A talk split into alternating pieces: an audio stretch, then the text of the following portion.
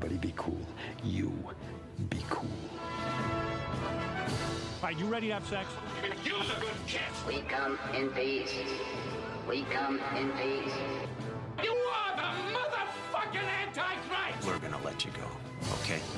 Ok. Film er best på radio. I'm gonna make him an offer he can't refuse. Nova Noir. Hallo, hallo, og velkommen til dagens sending. Det er som vanlig Nova Noir her på Radio Nova fra klokken ti til klokken tolv. Hver dag er litt tragisk. Jeg skal være ærlig, jeg våkna da klokken åtte til pøsregn. Var ikke så fornøyd med det, men det går helt fint, for vi skal ha kjempekoselig sending. Vi skal kose oss masse. Og i dag så skal vi ha om splatter. Oh! Wow. Må ha med litt sånn skrikeeffekter. Det er det vi må ha med. Ja. Og sånn Det mest skumle jeg har opplevd i dag, er at det er timesruter på 110-bussen i Ja, dag. det, ja, Watch apropos out, folks. alle lyttere, det er Watch Kristi himmelfart. Vi hadde alle glemt det. Det funka jævlig dårlig med Ruter, for Ruter har ekstremt reduserte avganger i dag. Men det går fint. Litt Det er jo litt digg med Hæ? En liten smakebit på hvordan det kommer til å bli i Oslo framover hvis Ruters tilbud blir kuttet. Åh, hvis det blir det. Ja, uansett. Da blir det splatter. Ja, det splatter, ass. Blir spretter noen under hjulet på jeg skal ikke sykehuset. kødde med, jeg kan ikke kødde med det. Kan du ikke kødde med det, I dag har jeg i hvert fall med meg Alexander, Hallo. hallo, hallo, og Daniel. Hei, hei. Og jeg heter Karin, og vi skal kose oss masse med fire filmer i dag og litt leker, så kan dere se fram til det senere i sendinga. Det tror jeg blir kjempe, kjempegøy. Sett siden sist. Da er vi over på Sett siden sist. Daniel, vil du begynne? Yes, i- Sett siden sist Uh, jeg, så, jeg har en sånn greie når jeg ser på film av og til, at jeg havner i sånne noen sånne faser av filmer jeg liker å se på. Og nå er det sånne litt, sånn, litt for inspira eh, inspirational sånne sportsfilmer. Eh, Moneyball, liksom. ja, litt, litt à la Moneyball, men dette her er enda mer sånn. Dette er, dette er Disney-produsert. Eh, Disney-produsert dette her er, jeg vet ikke om dere har hørt om Remember the Titans av eh, Å, fantastisk film. Uh, er det den der basketballdokumentaren? Nei, nei, nei, nei. For det kunne gjerne vært det fordi Ja, Det er ikke, det er ikke Hoop Dreams. Uh, Det er ikke det, altså, Er det det den heter? Nei, Hoop Dreams er en kjempebra dok eh, dokumentar. Ja. Uh, og The Last Dance er en kjempebra sportsdokumentar. Jeg snakker om Disney-produserte fiksjon, altså Ikke fiksjonelle, men altså de tar for seg en sann historie. Okay. Så dette her tar for seg coach eh, eh, eh, Herman Boone. Eh, som var okay. en eh, high school fotballtrener på tidlig 70-tallet. eh, som uh, det som eh, coacha det første miksa eh, amerikansk fotballaget sånn rasemess, rasemessig. Eh, for de, de, de blanda hvite og svarte for første gang. Da. Det var ganske crazy. Og, og han, ble jo, han ble jo Det er sann historie. eh, han ble um, Hvilken sport var det? Nå fikk jeg amerikansk fotball. Amerikansk Ja, fotball. han ble hetsa da hele karrieren sin Eller hele den starten av den karrieren for at det var veldig uvanlig. Og det skulle bare være Hva het filmen igjen? du? Den heter Remember the Titans. Det er en ganske populær sports, sportsfilm. uh, uh, og, mye og, og jeg bare sier Jeg har, jeg har også hatt en Denzel-fase. Ikke sant? Denzel-fase. Og jeg bare ser alt Denzel Washington er med i. For at du får bare, jeg vet ikke, Det er et eller annet med performancen hans som bare Er er, det, noe, er det noe overlapp der? Har Denzel spilt i noen uh, aspirational sports? Nei, men det er det. Denzel spiller treneren oh, ja, i oh, ja. Remember the Titans. Ikke sant? Det er derfor, sorry, jeg glemte å nevne det, men ja. Denzel spiller da han er coach Boone, som Ja. da trener dette laget. Og så ser du at dette laget kommer sammen, da. Ikke sant? ja, ja. Og så vinner de og går ubeseira i, uh, i high school-sesongen. Og dette her skjedde! Dette er helt sant. Uh, Ja, ja, ja. Og det, samme, de lagde, det er også en annen film som heter Glory Road, som tar for seg det samme. Du bare si Glory med- Hole. Ja. som tar for seg Må ikke- Nå må ikke du! Nå, dette her er fete filmer. Uh, må ikke du, ja, det er en annen film som heter Glory Road, som tar for seg det samme, bare med basketball. Som er produsert av Disney og er det samme, basically, bare med en annen skuespiller. da Ja, ja, ja. Ikke- Men ja Så Remember the Titans. Veldig, Spennende. veldig kul film. Spennende. spennende. Hva med deg, Aleksander? Hva har du sett siden sist? Eh, nei, jeg har sett eh, den nye Ikke den nye, men den nye sesongen av eh, Love, Death and Robots på Netflix. Ah. eh, og det er en serie som begynte for noen år siden, som på en måte, hvis du ikke kjenner til det, er et konsept som eh, blander masse forskjellige Det det er en antologiserie, som det heter. Eh, hvor hver episode er et liksom begrenset lite narrativ. Eh, hvor, eh, altså, samletrådene er Det skal handle om kjærlighet, død eller roboter. Og eller roboter. Oh, ja. um, og det er utrolig kult, fordi det er på en måte bare en sånn jeg tror det er liksom, Hvis jeg ikke husker feil, så er det David Fincher som har vært med på, på ta initiativ til det. Oh. Men det er egentlig bare liksom en åpning for alle som, for folk som er interessert i liksom animasjon, og liksom leke seg med animasjon innenfor disse tre temaene. Da. Mm. Så det er veldig kreativt, um, og det er ofte veldig kult. Og av og til ikke fullt så kult. Mm. Um, så det er på en måte konseptet. Altså, jeg, uh, Ina og jeg satt og så på det her uh, på uh, søndagen. Var, bare, var litt bakfulle og bare kjørte oss gjennom hele sesongen. Wow. Er det sånne korte episoder? Ja, de er ja. sånn mellom 10 og oh, ja. 25 minutter, liksom. Har, og de har, ikke de har ikke kontinuitet, ikke sant? Nei, De er nei, bare frittstående, er frittstående. ja. animasjonsepisoder. Ja, Mm. Riktig, riktig. Um, og det er liksom alltid liksom, Det er liksom sci-fi, og det er liksom Noe er liksom mer liksom sci-fi liksom, liksom, rom-sci-fi, og noe annet er liksom mer liksom eh, Hva skal man si Tilbake i fortid, men liksom en tilskrudd fortid. Det, men det er veldig kult. Ja. Um, veldig kreativt. Veldig liksom um, Altså det, det oser på en måte av kreativitet. Og så er det ikke alltid det er ikke vellykket, men det er alltid liksom kult å se på. Um, for det er liksom veldig mye liksom kule animasjonsteknikker. Så liksom uansett om ikke narrativet fenger så veldig mye, så er det alltid liksom Det er noe der. Det er alltid noe å lene seg på der. Ja, ja, ja. kan Og så er det så kort, liksom. Ja. At du kan liksom bare sitte der og liksom la den bare gå forbi. Det er, jeg har ikke sett det ennå, men jeg hører jo stadig vekk om det. Det kommer jo alltid opp på skjermen min. eh, Ja. liksom. Det, det ser jo veldig interessant ut, egentlig. Er det mer som en sånn podcast-serie? For det er også blitt en sånn greie med Jeg husker ikke hva den heter akkurat nå, men det er en sånn animasjonsserie med en sånn liten fyr med en sånn hatt som bare går rundt og snakker om livet. Og så er det en animasjonsserie Ja. med eh, eh, liksom tegninger og en story og en plotline, men hovedgreia er at du bare skal lene tilbake høre på hva han har å si. Så det blir som en visuell podkast. Er det samme greia, eller er det mer Nei. sånn plott? Jeg tror det det er mye mer liksom. liksom, visuelt slående greier. Visuelt Visuelle slående greier, og så er det liksom Det er uh, små narrativer som ofte er veldig meddrivende. Mm. og i de beste tilfellene så er det liksom hvor du sitter der liksom etter 15 minutter og er sånn Å, men jeg vil se mer! Ja. og så går den videre over til et eller annet som Du kanskje ikke liker så mye. Ja. Mm. det er veldig hit or miss, men når den treffer, så treffer den ordentlig bra. liksom. Mm. Så jeg kan anbefale egentlig bare alle sesongene som bla seg gjennom og, og se om det er noe man, eh, noe man liker. Spennende. det minner meg litt om den derre um, Arcane, hvis du har hørt om den. Det, er en sånn, det var en sånn animasjonsserie som går på Netflix nå, som var basert på League of Legends uh, law og sånn. Ja. Det er også sånn derre Men det er ikke antologiserie. Det, det er en narrativ som går over Ja, det er narrativ som går rundt. Jeg bare tenkte på slående animasjon. Ja. Uh, Så var det en Ja. sånn serie som virkelig Jeg har ikke så veldig mye forhold til League of Legends, liksom. Jeg syns det er et kult univers, men bare i ideen sånn eh, anim animasjonsmessig, så kunne man bare sitte her og bare være sånn Fy faen, dette er rått, ass. Mm. Ja. Dette er amazing lag, liksom. Ja, fordi, Mm. ja, det er veldig imponerende. Det er Ja. veldig kult. Så bra. Nei, Det jeg har sett siden sist, er Jeg hadde jo sending forrige uke, så jeg har ikke hatt så veldig mye tid til å se så mye siden sist. Men eh, jeg har sett åpenbart disse filmene til i dag, og så har jeg sett Jackass 4,5. Nå har jeg sett alle Jeg føler dette er litt min feil, for Ja, det er, vi så uh, denne sammen. ja. Og jeg har altfor mye Jackass. uh, Men når den kommer på Netflix, liksom, hva skal man gjøre, sånn da? Lett valg, liksom. Altså, min, eh, jeg gikk inn på eh, stuen her jeg bor sammen med fetteren min. Eh, og så satt jeg liksom så jeg, Han satt på, på sofaen og så på PC-en. Mer liksom hentet på seg og satt liksom og fniste for seg selv. Og var sånn, Halla, Jakob, hva er det som skjer? Så, sånn, «Ah», så på meg liksom sånn skamfullt blikk. Ja, det er Jackass 4,5. Og jeg er ikke skamfull i det hele tatt. Jeg syns det var dritgøy. Jeg synes det var kjempemorsomt. Jeg koser meg masse. Det er jo, Fire og en halv er jo de klippene som de ikke hadde plass til, eller ikke prioriterte i fire. Ja. Som er hele konseptet med disse to og en halv, tre og en halv og fire og en halv. Ikke sant? Så det er jo bare enda litt grovere. Mm. Eh, og kanskje litt vondere, om man kan si det på den måten, eh, stunt som de har gjort. Eh, men det er jo fortsatt samme humor og like morsomt. Det er litt mer intervjuaspekt ved det også, så du får vite litt mer liksom, behind the scenes fra de som har vært med å produsere det, tanken bak alle sketsjene og sånne type ting. Men det er jo Jackass i sin sanne tro. Ja. Jeg tror seriøst siden jeg ble med i Radionova, så har det blitt snakka om Jackass sånn altfor mange ganger. Og jeg be beklager det. Altså. det er, kvaliteten går kraftig ned. Hver gang du er på sending, Daniel, så skal vi snakke om det Jackass. Jackass. Og jeg vurderte å si at jeg, jeg vurderte å si det selv, at jeg hadde sett den, men jeg var sånn, det blir for dumt å nevne det igjen. Liksom. Ja, Et bedre valg som jeg har sett siden sist, er Top Gun, den originale. Ja. Fordi Maverick har kommet ut. Så det har kanskje vært et bedre valg å si på sett siden sist, men det går helt fint. Da har vi litt anbefalinger til dere lyttere. filmnyheter. Alt som vi lager nå, er remakes eller liksom samme historie om igjen. Om det har skjedd eh, en stor eh, skandale. Film. Film. Film. Film. Film. Film. Film, film, film, film, film, film, film, film, film, film, film. Nyheter. Filter, til film til filmnyheter. Veldig nytt filmnyheter. Film. Da er det klart for filmnyheter, dere.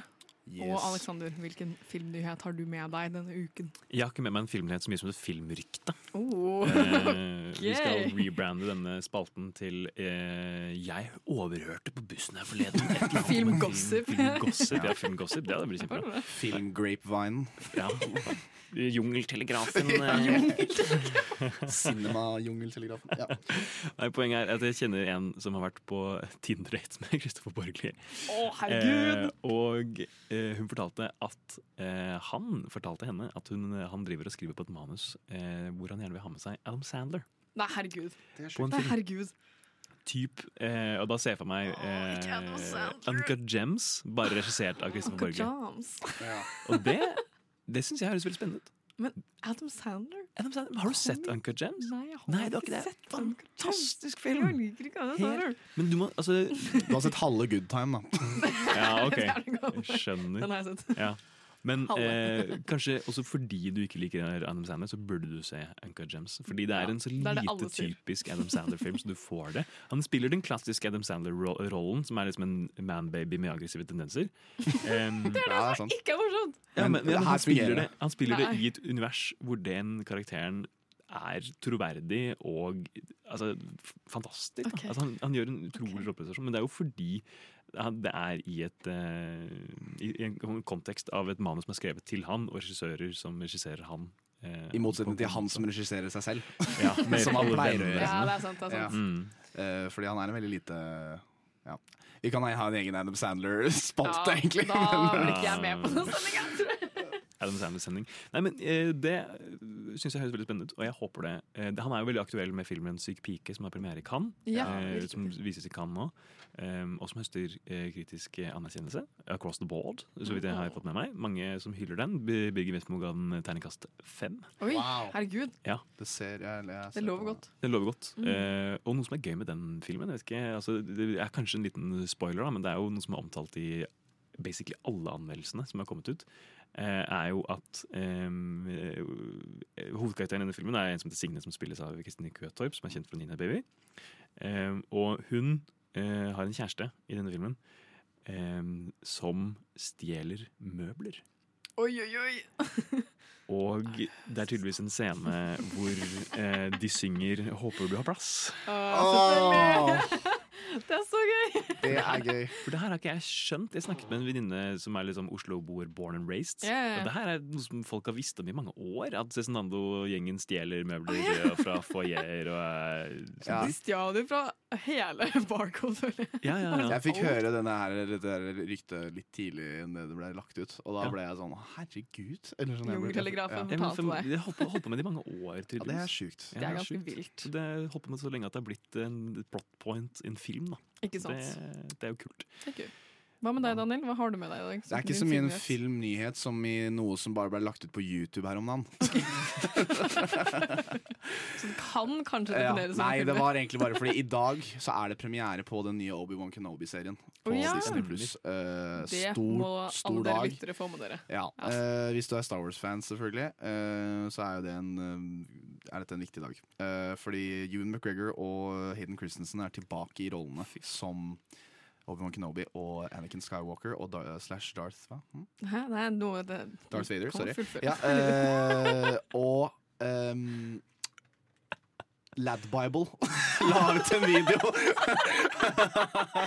Apropos Lad Bare så, ba, det er ikke, det bare så det er sagt, jeg følger Hvilket år er det? 2009? Jeg, jeg, jeg, jeg følger ikke Ladbible, altså. Eh, Det er- Dette her det er kom på min skam å innrømme. Altså, jeg følger ikke Lad det. Bible fortsatt på Ja, Facebook. jeg, ja, men det er ikke sånn at jeg sitter og liksom Hva er det Ladbible har lagt ut? Nei, det er ikke det jeg mener. Uh, Dukket opp i din anbefalte Nei, du- ja, på det sånne YouTube. Og de, og de har en sånn greie hvor de har en sånn bord som er sånn disagree, strongly disagree-greie. Hvor liksom begge to får et glass med øl, vanligvis, da, men nå hadde de et glass med vann. da Eh, Og så er det liksom Ewan McGregor og Hayden Christensen som sitter opposite hverandre. Okay. Og så skal de bare liksom svare på eh, de skal være, se, se om de er enige eller uenige om liksom masse utsagn om Star Wars. da Og det er bare de som har en jævlig sånn hyggelig prat i sånn 15 min, liksom, hvor det er bare Det er sånn. Lightsaber is the coolest color of the li uh, Red is the coolest color of the lightsaber. Og så er det bare sånn Hayden Christensen som er sånn strongly agree. Og så er det uh, Ewan McGregor som er sånn strongly disagree. Ja, og det er bare veldig mye Det er veldig mye cute nerding på gangen. da Jeg skjønner. Er Eh, det, er det nyheten din? Det er faktisk nyheten, altså! ja, men det er At Hayden Christensen sånn- syns rød er den kuleste Nei, ikke, det er ikke det som det er, det, er, det er ikke det ja, altså, Det er ikke den sånn spesifikt nyheten min. Nei, vel at, Men eh, at, premieren men at, er kommet i dag. eh, eh, men at premieren er i dag, og jeg så en video på Lad Bible av begge to. Altså- og, og Hayden Christensen er 40 år gammel, Men- som er rart. Det er Så det jeg tenker på, fordi Han ser ut som seg selv, bare veldig mye mer rynkete. Ja. Han ser identisk ut Som han gjorde i filmene. det er det, det, det, folk, gjør- det er det som skjer med mennesker når de blir eldre. Ikke sant? Ja, men men siden det er, Kristen, siden det er Hayden. Christensen, så bare skjønner vi ikke at det skjer. Men han ser ung ut og gammel ut samtidig. Og det ser så jævla rart ut. Jeg blir sånn Ja, men fordi- alle er sånn der, Hvorfor er Hayden Christensen så gammel? Så er det sånn, fordi det er 20 år siden Star Wars sist kom ut. Ja, ja. Men det er, sånn, man har jo ikke sett han i noe siden, så man har ikke liksom kunnet følge Så- han Nei, man har bare 19 år gamle Hayden Christensen i hodet, liksom. Ja. Og nå er han 40 år gamle Hayden Christensen. 40 ja. Og spiller og kommer tilbake. Han har, ah, han har sikkert tjent så mye penger på den rollen her. Det er så sykt. Sannsynligvis. Ja, ja, De pengene han drar inn på denne rollen her, må være insane. Men uansett, uh, hvis, du har lyst til å dra på, hvis du har lyst til å sjekke ut Lad Bible, så, så er det en jævlig morsom video der ute på Lad Bible nå av Ewan McGregor og Hayden Christensen som bare snakker med hverandre om Star Wars. Eventuelt så kan dere også se premieren til Obi-Wan Kenobi. Ja, også når du har tid, sjekk ut Obi-Wan Kenobi, sikkert. Den er sikkert fett. Men Ja, ja, ja. Bible har i hvert fall lagt ut en video. Ja, det er sant. Alternativ nyhet. Det er- Fy faen. Det er dårlig nyhet. Men Jeg har faktisk med meg en nyhet, i motsetning til dere to. Jeg hadde vært på YouTube, og du har bare hørt noe rykte, liksom. Jeg har, uh, Som vi alle kjenner til, så er jo en film ingenting uten litt filmmusikk. Og nå har jo eh, den kjære greske filmmusikeren Vangelis, eller Vangelis, eller hva du vil si, han døde jo for eh, 19. mai var det han døde. Big rip. Og det er jo det er ganske kjipt, for han har skrevet musikk til bl.a. blant annet Chariots of Fire, som han vant en Oscar for i 1982. Og så har han skrevet musikken til den legendariske Blade Runner, originale. Og det er jo ganske vilt at han ikke fins lenger. Det er litt trist. Han har jo Ja. ikonisk musikk Mm. alle kjenner til. Det er ikke sikkert dere vet at det er uh, Vangelis som har skrevet det, men dere kjenner til musikken uansett, for den er så gjennomsyra i, i filmkultur. Absolutt. Jeg var på et, uh, et foredrag, jeg. Ja. Om, uh, med, jeg var på visning av Blade Runner på 35 mm. Herregud. Med et foredrag om filmmusikken av Vangelis. Um, Av han? av, av, Ange- nei. av, en, av, en forele, av, en, av en foreleser. Jeg husker ikke helt hva henne het, men hun var hvert fall hadde skrevet en oppgave om det. Eh, og det var helt fantastisk. Og Mm. han hadde stått og Han hadde e komponert hele greia in real time fra start til slutt. Men han har jo også laget egne synter og sånn. Sånn Ja, det er helt fantastisk. bunnen Helt fantastisk. For Mm. å få den spesifikke lyden han ville ha. Mm. Så det er ikke bare eh, noen sånne nerdegreier som vi Som han sier, men han har faktisk bygd det fra bunnen av Ja. selv, og det er jo helt vilt. Ja. Jeg har mistet en stor eh, komponist. Vi har det, Han har det. faktisk. RIP James Horner, og nå RIP Evangelist. James Horner døde for en del år det er siden. sånn Johan Johansson år også. Johan Johansson døde også. Som, Ja, det er sant. som eh, apropos den filmen vi skal snakke om eh, senere. Riktig. Johan- Mandy. Riktig. Det Det, var vel det siste verket hans, var det ikke det? Nei, noe, jeg tror det var en Noe av de siste verkene hans. Fordi den var, han døde jo i 2017. Ja, han Og den- lagde en film også, tror jeg. Riktig. Ja. Men jeg vet ikke om det var den siste eller ikke. Det, Jeg skjønner. Mm. Så spennende. Da vet ja. alle dere lyttere litt uh, nye saker rundt filmtema og Så kultur. nå kan dere være de som sprer ryktene Nå kan alle dere være de. Pass it on. Pay it, for, it pay it forward. uh, vi kan jo egentlig bare hoppe Skal vi hoppe inn og snakke om uh, splatterfilm? Vi kan jo egentlig Ja, bare hoppe rett ut i det. Eh, vi skal jo som sagt ha om eh, splatter i dagens sending. Og det er jo kan jo være lett og kan være vanskelig, men det spørsmålet jeg har til dere i dag, er hvis jeg sier splatter, hva er det dere tenker på da? Hva forbinder dere med det? Hva er det dere kobler til det? Jeg tenker eh, blod utover skjermen eh, hele tiden. Hele tiden. Gjennom 90 minutter, liksom. Ja, riktig. Um, så, også, det, det er et spørsmål vi kanskje kan komme litt nærmere på eh, senere, men jeg er veldig usikker på forskjellen mellom body horror og splatter. Jeg også. Ja, det er jeg det- også. Jeg, jeg, har, jeg skal være helt ærlig, jeg har slitt veldig med definisjonen av splatter-sjangeren. Mm, ja. Egentlig gjennom hele denne opp, liksom, opptrappingen til denne sendingen. For at Ja. når vi har sett på dette her, så er jeg sånn Er dette her en splatter? Er det ikke en splatter? Er det noen som er veldig strenge på dette her? Eller er det liksom et element som kan være i flere ting? Eller, ja. Jeg kan jo finne en eller annen eh, definisjon på dette man har- kaller internettet. Ja, for jeg har googlet det. Altså, jeg leste noen liksom bloggposter. Liksom. En Altså- som mente veldig hardt at uh, body og splatter er to vidt forskjellige ting, og at body horror har en liksom, kunstnerisk ambisjon, mens splatter bare handler om å sjokkere for å sjokkere. Liksom. Det kan jo egentlig være en grei definisjon, men jeg ville jo heller hatt det Men det er i så fall ingen av de filmene vi har tatt med oss i dag. I hvert fall følge vår veldig pålitelige kilde Wikipedia. Som jeg, for den første engelske jeg fant, så står det at splatter er en sjanger av filmer som inneholder relativt mye gørr, blod og humor. Noe av disse kan også ha ekstremt overdreven vold. Eh, mye skildringer av gørr, som f.eks. tarmer og andre innvoller. Eh, men for at dette skal være en splatter, er det bred enighet om at det må også være former for humor inkludert med i det. Eh, og de foreslår oh, filmer som Bad Taste og Brain Dead. Det er de to Ja. filmene de trekker inn som eksempler. Ja. Og så er det jo også eh, et element, i hvert fall på den engelske Wikipedia-siden, noe om at, Jeg var på den norske Wikipedia-siden. at det skal handle om um, fascinasjoner med, altså med ødeleggelse av kropp. Ja. Altså at kroppen Ja, at eh, en fascinasjon med kroppens ødeleggelse Mm. er liksom et bærende element i splattersjangeren. Men det er veldig gøy at de tar inn det med humor.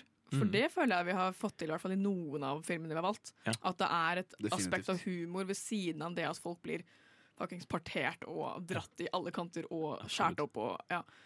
Så det, det er jo egentlig ganske en god måte å definere forskjellen på. Det er i hvert fall én film vi, um, vi så skal vi snakke om seinere, hvor jeg ble sånn overrasket over hvor mye jeg lo, på en måte. For det Ja. var sånn her, og da er det vanskelig å forstå. Da veit jeg ikke helt om jeg liksom er på riktig sted. Da, så jeg mener, om jeg skulle, skulle jeg egentlig vært liksom Selvfølgelig sånn, Jeg tror virkelig ikke det er en splatter i dag hvor jeg bare sitter og er liksom sånn Ikke klarer å se på skjermen engang, liksom. Men ja, det er mye For det føler jeg mer da body Det er, ja, det er vanskelig å liksom finne Det er- det er interessant det der med å le og skulle se på masse gore. Ikke sant? Ja. Det er sånn, men de, det er jo det litt av den sjangeren er. Absolutt. Mm. Men um, ja, fordi det er jo Jeg leste også at det er noe som heter splatstick.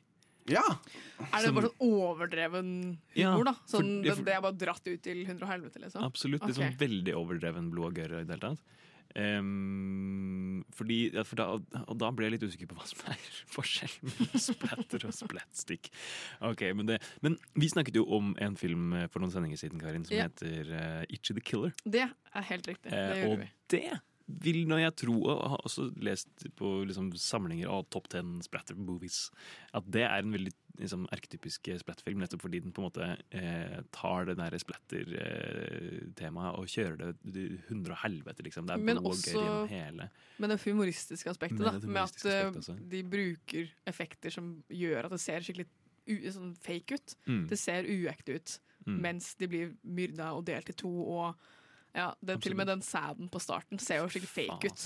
Ja. Hva var det den sendingen het hvor vi snakket om Det er eh, påskesendinga vår. påskesendingen? Ja, så det er Guilty Pleasure-sendinga vår. Mm. Hvis noen av dere lytter har lyst til å høre på den, så er Ja. det Guilty Pleasure-sendinga vår der vi snakket om det. Men det, det er så utrolig sånn der, jeg vet ikke, Nå begynner jeg, jeg har fått en sånn rar Jeg syns ikke ordet splatter er noe hyggelig ord lenger. Sånn der, jeg. Jeg har sagt det så mye de siste uka, så blir jeg, bare, nå begynner jeg å bli sånn øh. Det er sånn, Jeg får sånn ikk av det å si det. Sånn der, øh, jeg vil ikke si det mer. Det er sånn det folk sier med ordet moist. Ja, det er litt sånn. Men Jeg er liker liksom- ikke liksom over lyden av det ordet lenger i det hele tatt. Uh, det er, ja. Det er et veldig bra ord til den sjangeren. da Ja. For Det er bare splatt av masse blod og gørr og innvoller som treffer en eller annen flate, og så lager det masse lyd. Ja. Det er jo akkurat det det ordet for, Er? så vidt jeg forsto, det, ved å gjøre veldig kjapp research, er at ordet på en måte dukket opp i markedsføringen av eh, George Romeros eh, Hva var det? Night of the Living Dead. Nei, ikke Night of the Living Dead, men oppfølgeren. Oh, Det er flaut at jeg eh, blanker helt. Ifølge min research av en film jeg ikke husker hva heter. Ja. Men i hvert fall en George Romero-film. At At Ja, han brukte det i sin markedsføring. Og så har det også blitt brukt eh, i liksom filmvitenskapssammenheng til å samle en eh, sjanger og filmer. Riktig. Men hvis vi skal på en måte se på eh, forskjellen mellom da body horror og splatter For jeg, altså Body horror, da forbinder jeg spesielt Cronenberg. Um, Ja. Og han er jo veldig opptatt av på en måte eh, nettopp dette her med eh, kroppen, og måten kroppen kan på en måte bli eh, om, formet om og, og forvridd, og i det hele tatt liksom en fascinasjon med det. Um, er, er splatter bare mer blod og gørr, liksom? Er det det det egentlig handler om? Altså, eh, vi har jo hatt en liten diskusjon om det her vi, før sending. Om hva er egentlig splatter, og hvilke filmer kan vi velge for at vi er innafor. Mm. men jeg føler også at det er et subjektiv uh, definisjon i det også. Yeah. For vi har jo valgt ganske forskjellige filmer, men det som jeg alle føler at passer inn under den splatter-sjangeren. Mm. For det er noen vi har som er nesten sånn mental splatter, der man blir sånn mentalt brutt ned, og så Ja. kommer det litt blod på slutten, og så er det Ja. noen som bare begynner med gøret fra start til slutt. Mm. Men jeg tror det bare det med å bryte ned et menneske, Ja. om det er så fysisk eller psykisk, og så med litt blod i tillegg, så føler jeg at det, da er du innafor. Mer body horror. Men, ja, for, men det blir sånn kunst sånn, altså, sånn kunstfilmaspekt ved siden av, føler jeg. Ja, Eh, for jeg føler at de filmene vi har valgt, er jo litt morsomme Ja. til tider. Ja, det er absolutt. Ja. Så Altså, det er, kanskje det er det humoraspektet som skiller det fra body horror og splatter. Da. Ja, at det kan- er litt komisk, på en måte. Det kan godt være. At body horror tar seg selv mer seriøst. Altså, du er ikke, det er ikke meningen at du skal le så jævlig mye under en Cronenberg-film. Liksom. Nei, det er det. ikke Crash, som var den jeg så sist. Ja, eller sånn Human Centipede. Du ler ikke av den. Og det er bare en body horror-film. Liksom. Den er ikke noe morsom i det hele tatt. Så Det er Ja. faktisk sant. Men da er det, kanskje vi har kommet fram til en liten Det kan. Ja, Det kan. Altså, det humoraspektet. Og det Det er, jeg på en det er definitivt til stede i alle disse mm, filmene. absolutt. det er et eller annet, et eller annet vi- punkt man kan le litt. Skal vi Ja. kanskje avsløre hvilke filmer vi skal Det snakke om? kan vi gjerne. Eh, vi skal begynne med eh, Suspiria fra 1977. Den første. Det er kommet en remake nå i 2018.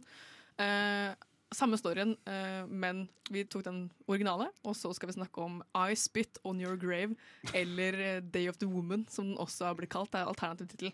Eh, jeg tror dere finner den hvis dere søker på eh, Of the Woman. Det er det den er Mm. mest kjent for. Men det er også blitt laget sånn fem remakes av den i ettertid. Ja. Så den er jo ganske høyt oppe i kultstatus. Så skal vi snakke om Evil Dead 2. Verdt å merke, det er ikke eneren, men toeren. Mm. Eh, og siste film er Mandy. Så vi har tre ganske gamle splatterfilmer og en ganske ny splatter. Mm. Som er disse fire filmene i den rekkefølgen vi skal Absolutt. snakke om. de.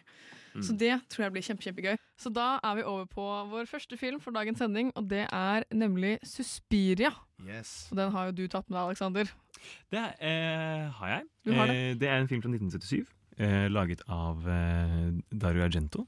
Eh, og den er på en måte hva skal man si, eh, veldig spesiell på mange måter. Det er jo en tidlig tilfelle av liksom en sånn giallo-film. Giallo er jo en sånn eh, italiensk eh, sjanger som på en måte er liksom eh, kombinasjon av liksom skrekk og, og mysterie og eh, i det hele tatt.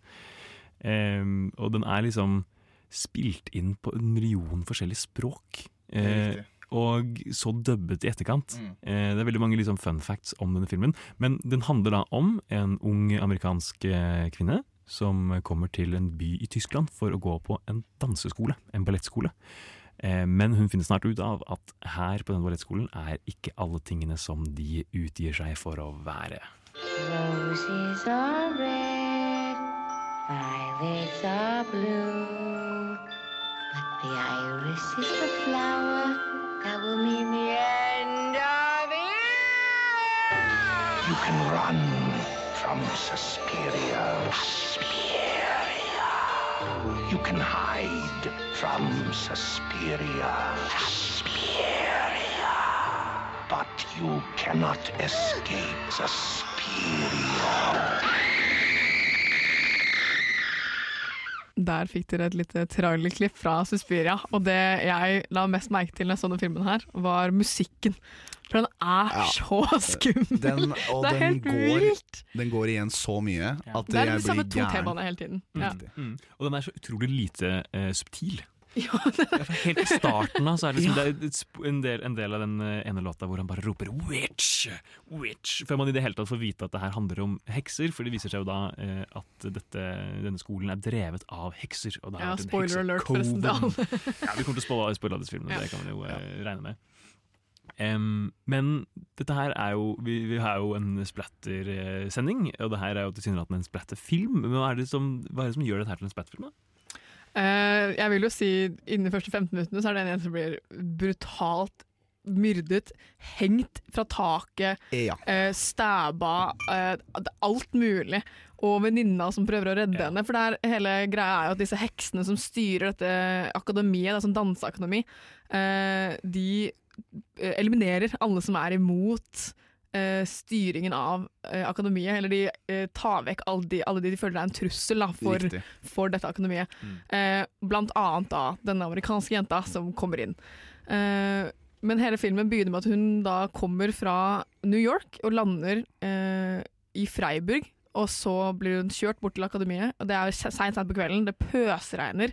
Og i døra så møter hun da en annen elev som er helt fra seg og stikker av. Og det er hun som da blir brutalt hengt og myrdet etterpå fra taket på skolen. Ja. Og venninna hennes som da eh, prøver å redde henne, hun eh, hele, For det er sånn glasskuppel over hele inngangen, og den knuser, så hun venninna blir jo da brutalt myrdet av disse glasskårene. Spiddet i hodet. Det, hun, hun ser ikke ut. Jeg, fikk, eh, jeg var veldig glad at jeg Jeg har jo hørt om Suspiria i mange, mange år, og jeg vet at det er på en måte en stor, stor viktig film i filmhistorien også, egentlig. Eh, men det som var så gøy, var at jeg visste egentlig Jeg har klart å bare unngå egentlig alt av knowledge om hva den handler om. Jeg og jeg visste bare at det, jeg visste bare at det var en eh, danseskole, og visste ikke noe mer enn det. Visste, jeg visste at det skjedde noe sjukt på en danseskole, men jeg ante ikke at det var hekser. Og da ble jeg sånn derre Å, det er jævlig moro. Og så, for at måten hele denne trusselen blir uh, portrettert, da Altså, den, du skjønner jo ikke hva som foregår frem til nesten sånn de siste ti minuttene eller noe. Det er veldig morsomt, fordi i traileren, det er jeg som klippa alle trailerne til i dag, så sier de i traileren det som er skumlere enn de siste elleve minuttene av Suspiria, er de første 92. det syns jeg var jævlig morsomt. Nei, men fordi altså, Plutselig da så blir det en sånn ekstrem exposition dump, Ja, hvor hun liksom møter en sånn psykolog og en sånn hekseekspert, og de forteller henne om denne Helena Marcos, som er denne lederen for dette heksekonventet. Det, det, altså, fordi jeg føler eh, historien er litt sånn tilsidesatt egentlig for alt det andre som skjer. Det er veldig mye sånn, altså Stilistisk sett så er det en helt rå film, Ja. men handlingen Handlingen Det er ikke helt. Altså, Jeg fant eh, liksom eh, eh, Det var så veldig lite man ble forklart de første Ja, i hvert fall jeg vil si den første timen. da At det er legit bare amerikansk jente som går rundt i et skummelt danseskole, og til den derre Og den derre tromma som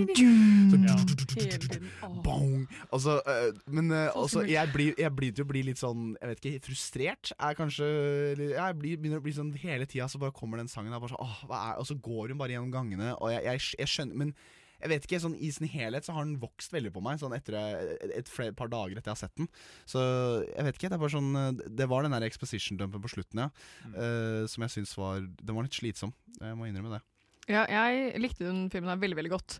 Uh, men jeg syns det var for lite splatter, på en måte.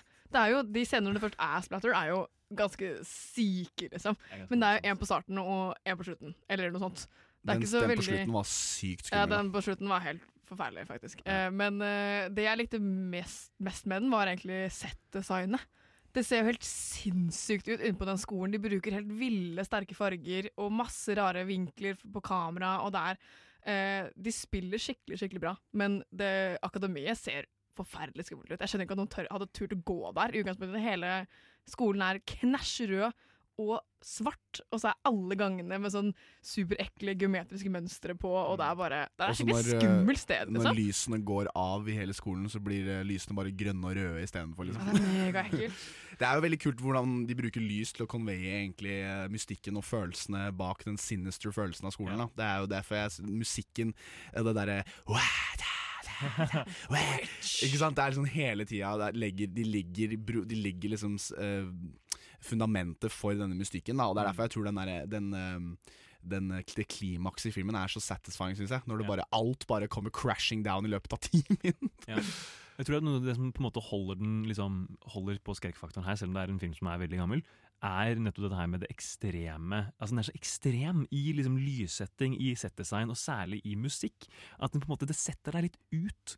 eh, og gjør det på en måte som er liksom ganske ubehagelig, pluss at du liksom ikke helt vet hva som skjer. Og det er liksom, ja Ehm, og det er noen veldig kule altså sånn, Rent sånn splattermessig så er det liksom noen kule liksom, innklipp med at de liksom skjærer sånn grisehud og sånn, som er overraskende Ja, det tenkte jeg faktisk på. Mm. Det er for det er en jente som blir halv, eh, skjært over strupen på. Ja. Og den får du se up close i Mm. detalj Mm. mens det bladet bare skjærer gjennom huden. Det Og det ser om- helt sykt ut.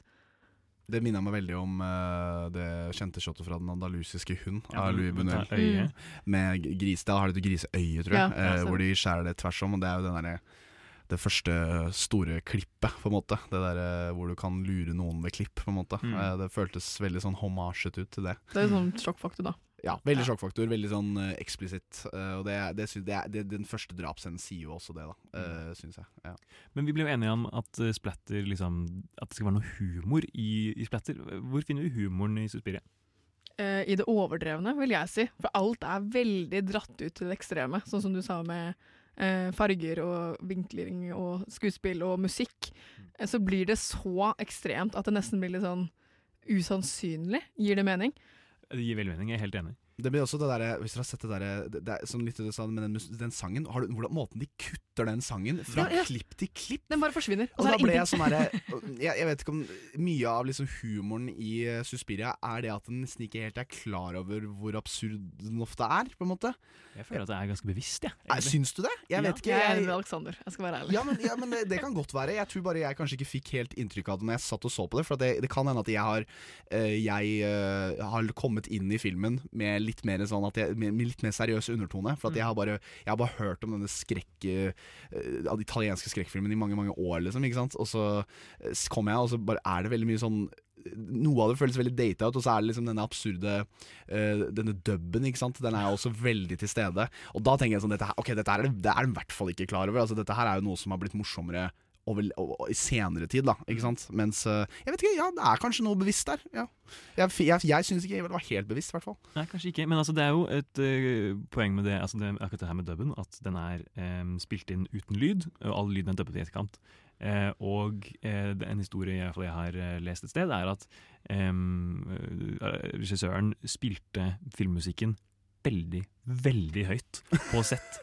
Alltid. For å skape en utrolig ubehagelig stemning eh, på sett. Det. Eh, og det føler jeg i hvert fall er ganske, det er ganske effektivt, og det kommer jo godt fram i det, det ferdige sluttproduktet. Fordi, altså, men det er noe med musikken, fordi den er så utrolig ekstrem. At du, man, man har, det, er liksom ikke en, det er liksom ikke en måte å bruke filmmusikk på som man kjenner fra, fra mer, mer moderne eksempler. Så det blir liksom, man blir veldig satt ut av det. Det, blir liksom en slags komisk eh, effekt. Og det man- er man liksom usikker på om er med vilje, men det er i hvert fall veldig effektivt. Det er veldig effektivt. Absolutt. Da har vi fått uh, diskutert litt rundt hva vi syns om Suspiria, og dens uh, plassering i Splatter.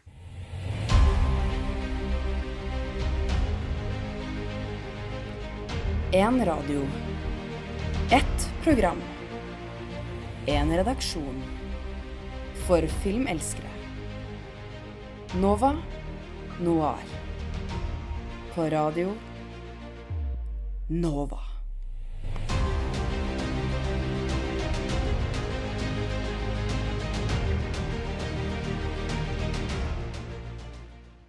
Da har vi fått snakket om eh, vår første film for dagens sending, og vi er da over på neste, som er I Spit On Your Grave eller Day of the Woman. Eh, denne filmen, eh, når var den kommet? 1976? Åtte. Åtte. 1978 var den kommet kom ut. Eh, og er en eh, Den er litt omstridt i miljøet om er en splatter eller ikke. Eh, men jeg ville definitivt kategorisert den som det. Eh, filmen handler om en ung forfatter, en dame, som prøver å fullføre sin bok, og har da leid seg typ en sånn Airbnb i en liten by. Eh, altså hus da som hun skal bo i ved en liten eh, innsjø, og det er veldig sånn idyllisk, koselig sånn eh, lakehouse, om du vil. Og så er hun og fyller på litt bensin og blir litt kjent med en eh, lokal eh, mann som bor der. Og så er hun på butikken og handler litt mat og blir kjent med en annen lokal mann, eh, som da leverer litt matvarer på døra. Og så innser hun eh, senere at disse to er i en vennegjeng med to andre kompiser. Og de vil henne ikke noe vel i det hele tatt. De vil bare henne vondt, og ender opp med å kidnappe henne når hun er i båt, og ta henne med i skogen, og gjengvoldta henne. Jeg skal si det, si det pent. Det er akkurat det som skjer. Herregud. Og så blir hun ganske pissed for det her, da, for det er jo ikke akkurat så hyggelig å bli gjengvoldtatt av fire Nei. kompiser. Så hun går da på en killing spree etterpå og myrder disse mennene én etter én. Ja, det er det filmen handler om. I don't like women giving me orders. I spit on your grave. What you are about to see did happen. Stop it! I spit on your grave. This woman will soon cut, chop, break, and burn five men beyond recognition. And there isn't a jury in this country that will convict her. I spit on your grave. Der hørte dere traileren til denne filmen. Eh, Det er fem menn, ikke fire. Eh, Så det er enda flere enn jeg husket. Det er en av de trailerne hvor de sier tittelen på filmen hvert 15. Ja, sekund, fordi det var sånn gammel radioreklame. Ja, ja, ja, ja. Så det er, uh, jeg husker jeg så traileren før jeg så filmen. Første gang jeg så den. Jeg var bare sånn Herregud, så jævla teit. Den må sikkert være så patetisk. Og så så jeg den, og så er jeg sånn Det er ikke en patetisk film i det hele tatt. Den er kjempeseriøs. Ja, jeg fikk helt sjokk når jeg så den filmen. Ja. Uh, det, det var en rar blanding av en skrekksplatter med en sånn dårlig, ubehagelig porno, nesten. Hun der, går naken. sånn Ja, den, ja. den gjengvoldtektsscenen varer jo i 30 minutter av de 90 minuttene den filmen varer. Det er så sjukt. Ja, det er Eh, og det er mye liksom, nakenhet, det er mye bush. Hun, er, hun går jo bare rundt naken i skogen og prøver å rømme fra disse fem mennene. Det er helt jævlig å se på, liksom. Altså, Man får så utrolig vondt av henne. Og så tenker man liksom Altså fordi det her er en film som er veldig omstridt. Eh, som jeg som jeg liksom har medlest om i etterkant. At blant annet liksom Roger Ebert mente liksom at det her var en film som oppmuntret menn til voldtekt. Og jeg skjønner ikke at noen kan se denne filmen og tenke ja, for her er det altså, Nå skal jeg gå og voldta Denne, denne filmen her kan ikke vi vise, Fordi da vil menn gå ut og voldta. Fordi altså, en, av de, eh, altså, en av de eh, tingene som disse mennene bruker som unnskyldning, da, er at liksom, de er bare menn. Ikke sant? De, må bare, de ser henne gå rundt naken, de kan ikke styre seg. Som om de er liksom en pakk med ulver som ikke klarer å sånn ha noe selvkontroll. Primale menn som bare ikke aner hva de driver med. Og så tar de, altså, og det er en fullstendig sånn sånn frustrerende greie. Og så liksom leser man om at, det her, at den eh, tolkningen har på en måte blitt tatt videre til å bety at alle menn som ser denne filmen her, vil nødvendigvis ha Gå lyst til å gå ut og vold- voldta folk etter å ha sett denne filmen. Den er jo øh, blitt av noen kåra til liksom verdens verste film og sånn. Ja. Og jeg, og sånn, jeg pleier å fortelle den til folk, og folk er sånn Ja, det er sikkert helt greit. Og så ser de den, og så er de sånn Det her er det verste jeg har sett i mitt liv. For det er jo ikke sånn Det er ikke bare liksom den voldtektsscenen som er fæl, men det er måten hun går rundt og myrder disse mennene på etterpå. Mm. For det er en av de hun eh, nesten voldtar tilbake igjen, og så henger. Og så er det en hun tar i propellen på en båt. Mm. Og så er det en hun lurer et badekar, og hun bare skjærer av pikken hans, pikken hans. Det Rett av! Og den scenen når den bare plopper opp igjen i vannet, det var helt vilt! Jeg skal ha det, da. Noen, ja, noen, er splatter. no, noen splatter, virkelig noen eh, kreative, gory metoder her. Absolutt, Eh, absolutt. Men- hvis vi tenker rent sånn eh, special, special effects-messig også. Man må lide seg gjennom en time da, før man kommer dit. På Ja, måte. 100 det er- Fordi altså, det her er på en måte en film som både er smertefull å se på fordi den har disse her vonde sekvensene, men også fordi at før vi i det hele tatt kommer til voldtekten, så er det liksom en halvtime med bare sånn hun som går rundt og skriver bok Ja, og kjører bil. Og det er så jævlig kjedelig. Ja, liksom. det, det var helt Hun bare ligger og soler seg i en, høy, en sånn hengekøye, og så tar hun en båttur, og så Ja, ja. skriver hun en bok, og så er Skriver hun en sånn bok boken hennes. Og det ser ut Det har den der, det har den der 70-talls sånn weirde Den der homemade 70-talls-looken, liksom. Hvor det er bare sånn wow, dere bare gikk ut i skauen med null dollar. Og Men det er veldig lite Ja, ja, ja. liksom, så budsjett på den ja. filmen her. Men samtidig så er det liksom Det er noe som veldig effektiv filmskaping i, um, i eh, både bildene og lyddesignet. Særlig liksom det er en, en båt, en liten motorbåt som disse guttene kjører rundt i. Og den måten den er liksom lyddesignet på den, da Altså det er bare en båtmotor bare skrudd til helvete opp. Det er så jævlig høyt at det blir ganske ukomfortabelt. Men en av de store problemene jeg hadde med denne filmen, her var at jeg satt der bare sånn sånn kjedet meg, samtidig som jeg syntes det var ubehagelig å se på. Og så jeg til slutt bare ble litt sånn, sånn, sånn picky, som man blir av å se en film man ikke liker. Man bare sånn plukker på ting og er sånn Å, dette her er dårlig. Ja. Eh, hvor jeg blant annet liksom hørte på den motorlyden av den uh, båten og tenkte bare sånn Men det her er jo ikke en lyd, riktig lyd av båt, det her er en lyd av en båt som plasker i bølger. De kjører bare rundt på en helt stille elv. Ja, jeg var jo Ja. veldig klar over at den filmen her kom til å være eh, litt sånn eh, splittende eh, for de som kom til å se den. Eh, om dere er veldig glad i splatter, så er det jo definitivt en film verdt å se. Uh, for det er jo ganske tidlig splatter. Det er vel den yngste filmen Nei, den er vel ett år eldre. Nei, var det 78 du sa? Daniel? 78. 78, så er året eldre, nei yngre enn Suspiria. Men på en helt annen den er, Jeg vet ikke, den, den, den må ses samtidig. Hvis du skal se på splatterfilmer, så vil jeg definitivt anbefalt den her Den, den, som et godt den eksempel. rider en veldig tynn linje for at, hvor, Det er liksom nesten så at filmen bare faller sammen hvert, hver scene for meg. Liksom. Sånn der, den er ja. sånn der, jeg, hvor, det, det virker som en sånn gjettende film. Bare sånn, den, den kan gå hvor som helst hele Men den er morsom. Det er humoraspektet Ja, det er ved den som gjør at den kategoriseres eh, nesten mer som splatter enn det Suspiria gjør. Mm. For den er, den er bare så Ikke dårlig laget, men sånn amatør Det er bare sånn, Jeg vet ikke, de effektene er veldig fake, og ja, så det, den er jo nesten litt morsom å se på. den tar også meg tilbake til den gangen hvor det bare er sånn folk visste ikke når de skulle klippe en scene. Nei. Eller sånn når skal du si 'nå er denne scenen ferdig, la oss gå videre'. For det er så lange pauser og så lange mellomrom mellom øh, sånn, Det er bare scener hvor hun bare går og går og går. Er bare sånn, å, kan dere, kan dere klippe? ferdig, liksom, Kan dere ja. klippe dere ut? Har dere sett den filmen som åpnet TIFF, som heter uh, A Human Position? Nei. En norsk film eh, som har egentlig litt det samme utgangspunktet med at den liksom, det er en helt sånn hverdagsfortelling med en dame som jobber som journalist. Bla, bla, bla. Eh, og så går hun liksom rundt i Ålesund, og disse klippene er bare de altfor lange.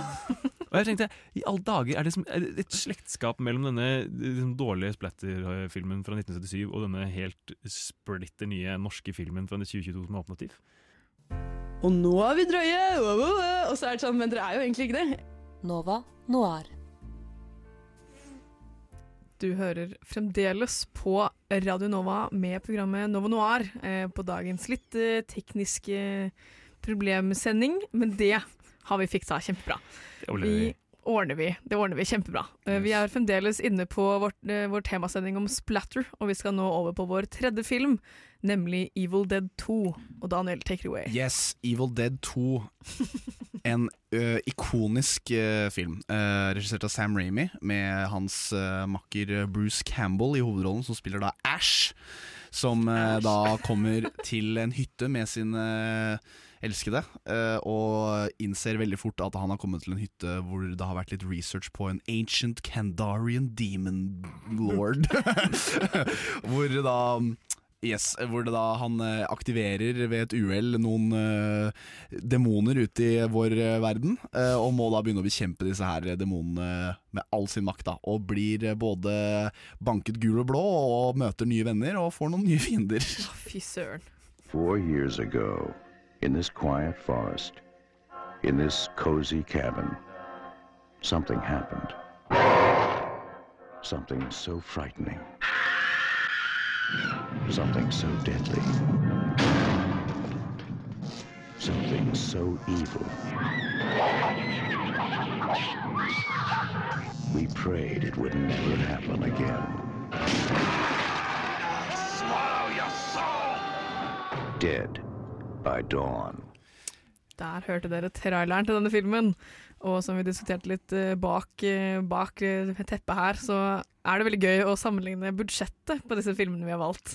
Riktig. Eh, for vi, eh, Daniel og jeg, så jo eh, Evil Dead 2 og så Suspiria.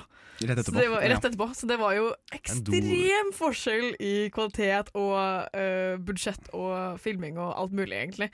Men gjorde ikke Evil Dead 2 til en dårligere film. Nei. Jeg syns egentlig den var skikkelig bra, og den får deg den, du, du henger med på storyen hele veien gjennom. Det er også en veldig det, det jeg elsker med Evil Dead 2, er jo det at den embracer hvor tullete den er. Ja. Og den gjør det på en måte at filmen faktisk benefitter av det, Mm. mer enn det at den liksom taper på det. For at det, det er et enormt stort forsøk på å gjøre sånne filmer mer seriøse, og det er der de taper. Men Sam Ramy har en på en måte sånn tongue in cheek-prosess ved disse filmene. Jeg, jeg husker også Evil Dead 1 var også, jeg ble helt sånn floored av hvor kul den var. Og, men jeg, hadde, jeg husket ikke hvor mye jeg likte Ivo D2 når jeg, før jeg så den nå, og ble rett og slett helt eh, Jeg ble veldig, veldig imponert. Og noen av de teknikkene, filmatiske teknikkene han bruker, både ved å bruke kamera og lys og kreative metoder for å gjøre denne filmen her enda mer større enn det den egentlig er. Det her er liksom så innmari small scale filmmaking, hvis du egentlig tenker på det. Er utrolig imponerende. eh, Og virkelig passende, syns jeg, også i den sjangeren vi snakker om, splatter. Mm. Noe jeg la veldig merke til med den her i forhold til de andre, er hvor morsom den er. Ja. Den, øh, den bruker det humoraspektet ved Splatter veldig mye mer og veldig mye mer aktivt enn de andre. Og det øh, gagner filmen veldig. Det er jo overraskende mye gørr og blod, og blod i forskjellige farger, og litt kroppsvæsker og litt armer som blir kutta av, og alt mulig, liksom. Men den er så gjennomgående morsom hele tiden at jeg føler ikke at det er like alvorlig. Sånn for eksempel Suspiria, da. De som blir drept, er jo ikke noe morsomme drap. Det er ikke noe sånn der ha-ha, lol, en jente som blir hengt. Eh, eller i I Spit in Your Grave. Men den her er det sånn Det var litt lættis. Hver gang noen blir liksom skada. Jeg vet ikke. Ja, for det er jo utrolig overdrevent, og det er jo på en måte mer over i det vi nevnte i starten, som er liksom den splatstick-sjangeren. Hvor det på en måte er eh, Det er liksom som slapstick. Det er helt, sånn- helt sånn overdreven liksom fysisk komikk, men med bare innslag av helt sånn sinnssykt mye blod. Ja, og det, jeg tror det var litt det vi snakka om i stad. da. Bare det der med at vi synes, Om jeg synes Suspiria var bevisst på humoren sin, og i kontra hvordan den her er bevisst på humoren sin. Mm. Det kan hende at det var fordi at vi så dem back to back også. Hvor du går fra en film som bare er sånn Ok, den her, de her veit hvor tullete dette her er, liksom. Mm. Det, De du, bare ba- har det du bare liksom. ser det på hvordan han eh, På, på, på skuespillet, det fysiske aspektet ved hvordan han Bruce Campbell spiller. Han er jo bare sånn blub, blub, blub, hele er liksom, så mye ansiktsuttrykk. Det Så er mye sånn ansiktsuttrykk. hele Men han, han eier den filmen. Men han er handsome Squidward. Ja. Jeg syns han ser så ut som handsome. Skjønner du hva jeg mener? han er, men han er utrolig altså uten, Bruce Campbell gjør jo den filmen der. Altså han, han rider denne filmen her eh, på sin rygg. Da. Altså, Men han har jo hatt cameo i alle i den filmen. Uh, i ettertid? Nei, altså, han jo, han, har, han, nei, nei, han, han er hovedrollen i, eh, i alle Evil Dead-filmene, Ja. men har cameos i alle sine Sam Raimi-filmer. Altså Ja, alle sine andre Sam. Raimi-filmer. Ja. Så han er med i alle Spiderman-filmer, eksempel. Han er med i den nyeste Doctor Strange-filmen, faktisk. Det er Så, sykt. ja. Det er veldig gøy. Ja, for han er jo med i den derre uh, Into the Den der nyeste Into the Spider-Verse, er det den? Nei, nei, nei, Multiverse. Nei, oh, ja, Multiverse, Multiverse, Multiverse, Multiverse of Madness. er han ja. Ja. Ja. eh, og han er også med i eh, den, eh, den nyeste No Way Home. Også. No Way Home er det den. Ikke sant. Så spennende. Ja. Jeg syns i hvert fall Evil Dead 2 uh, embracer denne humoren mye mer enn de andre. Uten tvil. Do you want to play a game? Why do you seem so scared? All I wanted to do was play with you. Please come and play with me. Let's play a game! Vi er nå over på vår fjerde og siste film for dagens sending, eh, og det blir Mandy. Alexander. Ja, Mandy, eh, filmen fra 2018, eh, regissert av den greske regissøren Panos Kosmatos, og med Nicholas Cage Veldig, veldig bra navn. Med Nicholas Cage i hovedrollen. Eh, den eh, følger eh, Nicholas Cage sin rolle Red, som jobber som eh, skog... Sånn, sånn tømmerhogger, eh, og har en kjæreste som heter Mandy. Eh, De lever en sånn idyllisk tilværelse ute i skogen i et sånt stort hus hvor alle veggene er av glass, basically. Mm. Det er på 80-tallet. Eh, og eh, vi, eh, det starter med at vi liksom møter dem og liksom ser deres forhold. De er eh, åpenbart liksom veldig tilknyttet hverandre. Eh, veldig opptatt av liksom type liksom 80-talls eh, ha- hardrock-kultur og liksom science fiction-bøker. Og hun tegner og tegner masse liksom eh, ja, ting som ser ut som de kunne vært liksom, eh, coveret på eh, science fiction-bøker fra 80-tallet. Eh, og så blir vi introdusert for en gal kristen kult. Eh, ledet av en fyr som heter Sand, som da eh, møter Mandy på, på veien, eh, ser henne, og han blir liksom besatt av henne og må ha henne. Eh, tar henne, dreper henne, og så er det violence ensues når eh, Red da skal ta sin hevn over den kristne kulten. Under the crimson, primordial sky, the wretched warlock reached into the dark embrace. His fist closed around the serpent's eye. Strange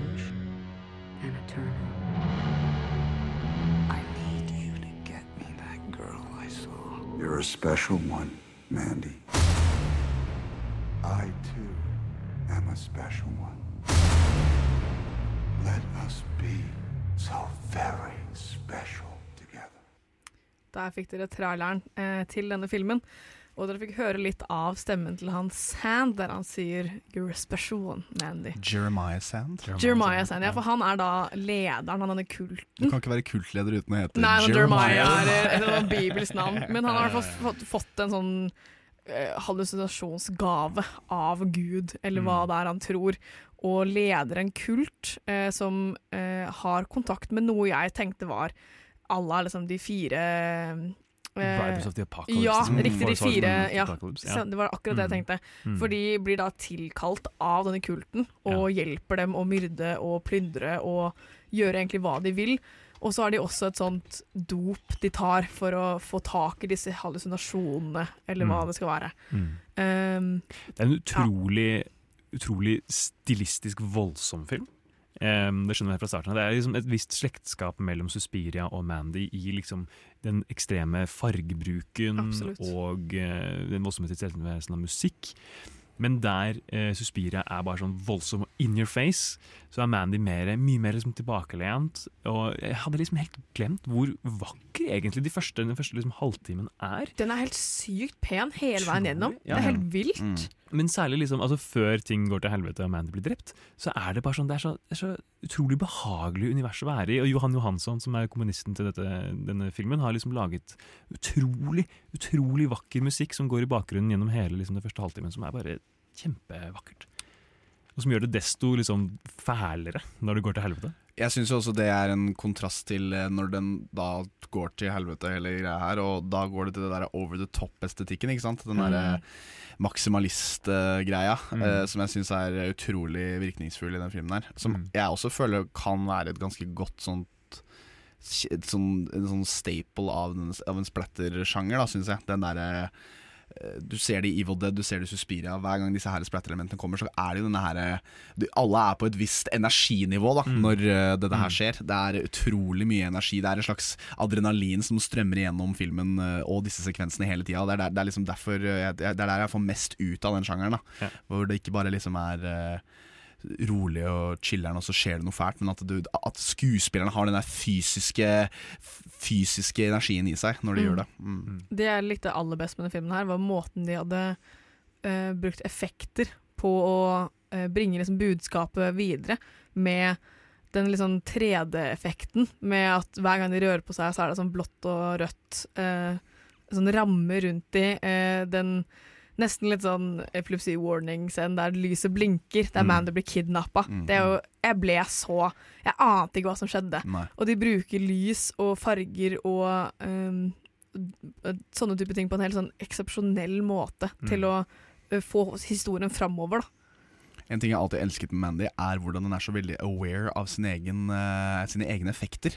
At den på en måte Den prøver ikke å skjule eh, effektene sine, syns jeg. Sånn, for eksempel med lyssettingen. At du ser at det er en lampe satt opp i hjørnet der. Liksom. Det, det, ingen skog kan lyssette sånn uten at det er bare kunstig. Og det, jeg synes at den, den, den er litt sånn som eh, noen uh, uh, splatterfilmer og bodyfilmer vi liker, så ser vi på dem nesten fordi at vi vet at uh, det er det skal ikke se ekte ut, på en måte. Eller Det er en sånn rar dualitet mellom det å se på splatter, syns jeg. Det er at eh, jeg ser på det fordi at jeg gleder meg til å se disse denne fake tingen, på en måte. At, Ja. her, at de, de vet det, vi vet det, alle vet det, men det ser så rått ut, på en måte. Og det gjør Mandy så godt, syns jeg. Det der, det, det, alt er på en måte det, er, det føles så kunstig oppsatt ut, da. Sånn på en veldig bra måte. En parallell jeg tenkte på til denne filmen her, var uh, 'Midtsommer'. Mm. Eh, for den kom jo ut året etterpå, Riktig. og er også en film om en kult. Eh, de prøver å ta, ta noen og få med i den kulten. Men den kirka som han Jeremiah er i, er jo identisk til den kirka de har i 'Midtsommer'. Det er jo midt i, midt i framen, det er en sånn spiss trekant. Det, det brenner ned. Det er liksom akkurat samme parallellene som det er i 'Midtsommer'. Og det var jeg sånn Er det her direkte inspirert, eller er det bare en tilfeldighet? For det er året etterpå, liksom. Mm. Og det er jo en kult. Det er den kirka. Det brenner ned. Det er liksom Det er sånn var starterpack for alle ja, men det var sy- kultfilmer. Det var helt enorme mange paralleller som jeg kom på i ettertid. Som jeg var sånn Det kan ikke være en tilfeldighet. Det er så likt. Ja, Du mener at uh, Ari Ester har fått Ja, eh, litt, uh, Eller bare blitt litt altfor inspirert av Men altså, det er jo veldig- tatt det med seg. Det er veldig tydelig hvor mange av disse inspirasjonene til denne filmen kommer fra. Det er jo åpenbart at liksom, I lyssetting så er den veldig inspirert av filmer som Suspiria. Mm, um, og også i liksom, handlingen. altså Jeremiah Sand, med liksom, dette albumet han har laget og kulten han har rundt seg, er jo eh, Manson. Charles Mm, Manson. Veldig Manson-inspirert. Absolutt. absolutt. Um, Og altså, altså er det liksom bare det her ekstremt tilskrudde verden, men som på en måte allikevel gir liksom mening uten at det er så veldig liksom mytologisk nødvendigvis. Vi møter disse, her, disse altså, ek ekstreme menneskene som vi får- vite at de var couriers for en LSD-manufacturer. Som eh, Jeg føler at det er jeg ser på crooked batch. Riktig. Jeg, ser, Mm. jeg føler at jeg ser på en Dungeons and Dragons-campaign spille seg ut live. Det er det jeg føler. Det er, sånn, det er den følelsen jeg får bare in live action, liksom. Ja, nei, jeg likte den filmen. der. Kjempe, kjempe, kjempegodt. Og Nicholas Cage i hovedrollen er bare så, han er perfekt. Ja, han spilte helt vilt bra. Jeg var helt overraska over hvor flink han var. Jeg har liksom ikke sett en Nicholas Cage-film på kjempe, kjempe, kjempelenge. Og jeg var enormt imponert over hans, hans uh, prestasjon. Og i hvert fall den scenen der han, liksom, han har fullført alt. Han har drept alle. Alt Ja. er over, alt er borte. Og så ser han inn i kamera, og han var det mest gale smilet jeg har sett Ja. in my life. Jeg, var, jeg satt liksom alene og så den i går kveld. Jeg var helt sånn, det kom så brått på. Jeg ble så satt ut av det. Det er- Men det var ja. så virkningsfullt. Jeg synes det var det, det, set- kjemperart. det setter liksom punktum på hele følelsen Han har bare, av han har bare rabla, rabla helt fra han, liksom. Ja. Han har mista the love of, of love his life. Og Og nå nå er han, nå har han drept alle som drepte henne, hva faen skal han gjøre nå? Ja. Liksom. Men det er også noe med altså, den filmens tilskrudde natur og Nicholas Nicolas Cages tilskrudde skuespillerstil som på en måte bare er en perfekt match. mm, Jeg er helt enig. Og med det så har vi snakket om våre fire valgte filmer og skal over på litt lek. In a world that's powered by violence. In a world without gas. In a world where owning a radio was strictly forbidden.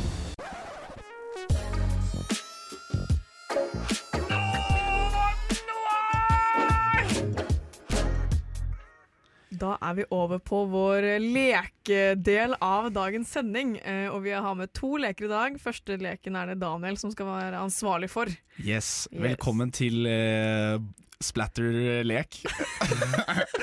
og uh, i dag så tenkte jeg det hadde vært gøy å ta med litt forskjellige lydklipp fra forskjellige filmer som har litt uh, skrekk- og splatter-elementer, som jeg vil at dere kanskje skal gjette hva er. Så dere får rundt 15 sekunder fra uh, en film, og så skal dere prøve da å komme med en gjetning, og så skal jeg da si om det er riktig eller galt. Så hvilken film og hvilken kroppsdel? Eller hva, hva er Bare nå, nå skal vi gå på Det, det er bonuspoeng hvis dere gjetter kroppsdel, men eh, jeg tar også bare film.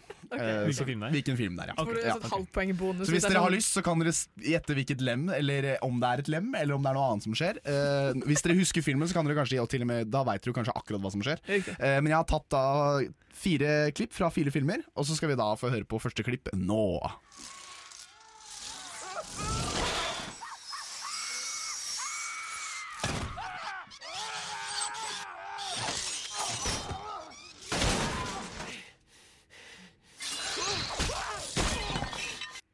Det høres ut Å, som hva var det? Det høres ut som noe som blir liksom etterfulgt av en sånn rabiat maskin. Ja. Det er bare en maskin som går rundt og bare Rabiat maskin, Ja, men hvis du skjønner hva jeg mener sånn, Det er noen ganger det er en, eh, en sånn robot som bare er sånn «Au!» og går rundt og dreper folk. Ja, jeg Eh, tenkte umiddelbart at det var Evil Dead 2. Ja. Det er, eh, det er Det er godt. ikke, det er ja. ikke et dumt forslag, faktisk. Eh, Har du en eh, kandidat, Karin?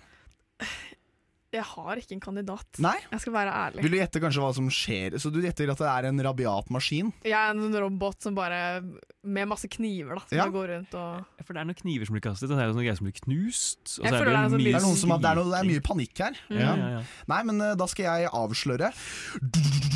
Det er Spiderman 2 eh, av Sam Ramy. Så begge to får faktisk riktig, fordi det er en rabiat maskin som går gæren. Fordi det her er scenen hvor, i det sykehusscenen hvor Dr. Octopus skal fjerne Han skal fjerne De skal fjerne armene hans. Eh, og da er det disse maskinarmene som går amok. Og det er jo da en rabiat maskin. Og det er også regissert av Sam Ramy, som lagde Evil Dead 2. Så jeg vil gi dere begge to et det- poeng. det tar jeg, det Eh, tar jeg. Karin får mer poeng enn det. Jeg synes eh, Du gjør en mye bedre Ja, jobb. takk, takk. Ja, men jeg syns det var bra, for at du, du, du, var jo inne jeg, du var inne på samme, samme regissør, så jeg vil si det er bra. OK, nice. Ja. Da går vi videre til neste klipp.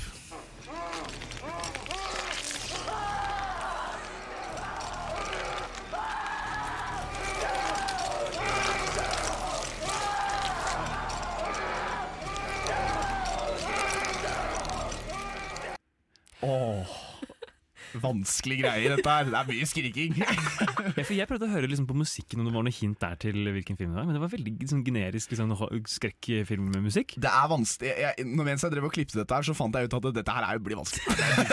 Ja, fordi, altså, det høres på en måte ut som om det er kanskje noen som eh, Altså Det er liksom sånn, sånn, sånn knitrete greier. Er det liksom noen som spiser Altså, jeg skal til å noen? forestille? Det er et monster som går rundt og spiser ett og ett menneske, og så Ja. står Enten er folk hengt opp og blir Ja. spist én og én, eller så står folk liksom basically i kø for å bli spist av et eller Ja. annet vesen. For du hører folk skrike, og så blir det drept noen, og så blir det mindre skriking for hver person som blir spist. Så Gir de gjetter et vesen. Ja, monster, Monster. eller noe sånt som Mm. går rundt og spiser folk. Er jeg Kunne det vært The Fly, kanskje? The Fly? En, en, David Cronberg. Ja, eh, ja. ja. Kan jeg gjette The Mist? The Mist? Ja, så det er den, det er den eh, Altså det vesenet jeg snakker om, er den jævla The Mist, tåka ja. i The Mist. Sjukt at The Mist bare Det høres ut som noen blir rivd i to her, liksom. Jo, men Ja. det er det som skjer Ja, i The Mist. ja, ja.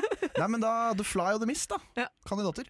Da er egentlig svaret er så én. Nei, jeg har ikke sett Jeg tok, en, jeg tok en litt generisk en, for jeg tenkte det er jo, jeg må finne noe som var liksom noe alle kanskje hadde en slags forhold til. Jeg har bare unngått så, for Eh, jeg føler det er sånn uh, Apropos liksom body horror. Jeg føler det bare er sånn human centipede body horror. Det er- framfor Torture porn. Det er- ja, ja, men- fordi men- jeg bare ja. Jeg har unngått alle så-filmene, for jeg vet egentlig ikke hva det handler om. Jeg tør ikke å ta sjansen og bombe på det. det fins bare én så-film, og det er så én. Okay, det er egentlig den eneste som er verdt å se, for okay. at den er faktisk litt kul. Det er med Danny Glover, og det er regissert av James Swan, tror jeg. Og så er det han Eh, fra Princess Bride. Ja, og det er en ganske, det er en ganske watchable film, syns jeg. Okay. Uh, dette her er jo da scenen hvor eh, han, uh, hovedrollen må skjære av seg sin egen fot for, at, eh, han, for å liksom begå denne, her, eh, denne synden eh, for å komme seg ut. Da. Ja. Så vi går ned vi, da, det, det, Jeg vil si at uh, ingen fikk poeng her. Det, Nei, det står fortsatt til greit. 1-1. Neste klipp.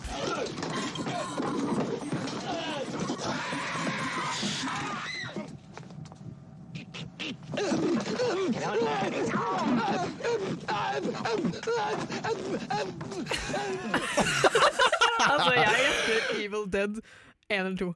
Dere, dere tror, tror du, jeg, jeg, tror, jeg, kan si, jeg kan si at jeg ikke har tatt med klipp fra noen av filmene vi okay, har snakka okay, om i dag. Da, okay, Eh, for det her er definitivt et vesen som Ja. spiser noen eller jakter på noen. For det er bare Den lyden Ja. der i bakgrunnen. liksom, er vi kanskje ute noen noe sånn Gremlins-aktig? Gremlins, ja. Jeg tipper eh, den Chucky. Chucky? den lille, Ah, kunne vært leka. Vi, jeg- vi kan jo, eh, jeg kan jo Her er det en fyr som Det er en fyr som skriker mye, men det er jo noen små eh, Ja, det er noen sånne rare lyder bak der, eller noe, et eller annet, noe annet. The Blob. The Blob. Fra 1962, eller hva det er. Nei, 1952 er det vel kanskje. Nei, uh, jeg, dette her er et uh, lydklipp fra filmen uh, Alien. Nei, er det? Dette her er den eh, kjente chestburst-scenen, hvor eh, John Hurt eh, Han har våkna, han er glad og koser seg, og så bare blir han sånn og så går det helt til helvete. så Eh, så det dere hører der, det, det mellomrommet Ja. dere hører, er jo når denne her bryter seg ut. Alle bare blir sånn Alle ble blir helt slått ut, liksom. Jeg så Alien for første gang for to uker siden. Ja, Det her burde jeg jeg visst. eh, men- Men eh, jeg vil Sorry. si eh, du var inne på et vesen, Karin. Ja. Eh, det er ganske godt, så jeg vil gi deg et poeng for vesen. Ah. Eh, vi går Gremlins gir ikke noe poeng. Gremlins uh, er ikke aliens. Uh, nei, vet du hva? Ja, vet du hva? Begge får et poeng. 2-2. Nei, nei, nei, gi det til Karin. Gi det til Karin. Okay. 2-1 til meg.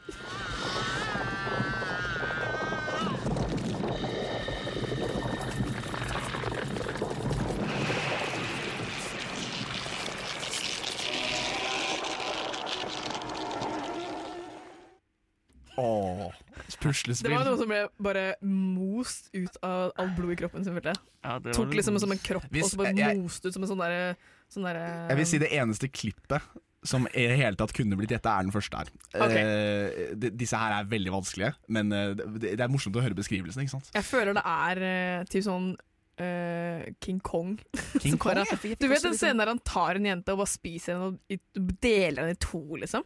Ja, jeg fikk litt sånn Jurassic Park-vibber. Ja, det der Ja. ropet til slutt. Mm. Uh, men jeg kan ikke, liksom, kan ikke plassere hvilken scene det skulle vært. Jurassic Park er veldig godt gjetta, uh, vil jeg si. Eh, det, jeg ville, Jurassic World. Jurassic World. uh, jeg ville gjetta også Jurassic Park, faktisk. Det, er, det høres ut som en, sånn der, når en T-rex liksom tråkker på en fyr eller noe, og, og bare ja, går rett i magesekken hans eller noe. Er det Annihilation? Eh, nei, det er ikke Annihilation. Dette her er rett og slett fra filmen The Thing. Oh. Ja.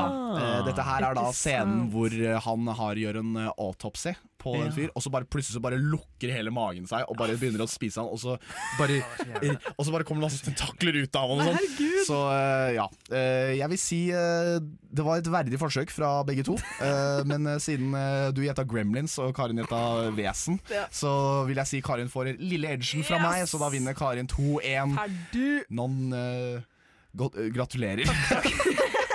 Vi knipser, og så Vi knipser til meg.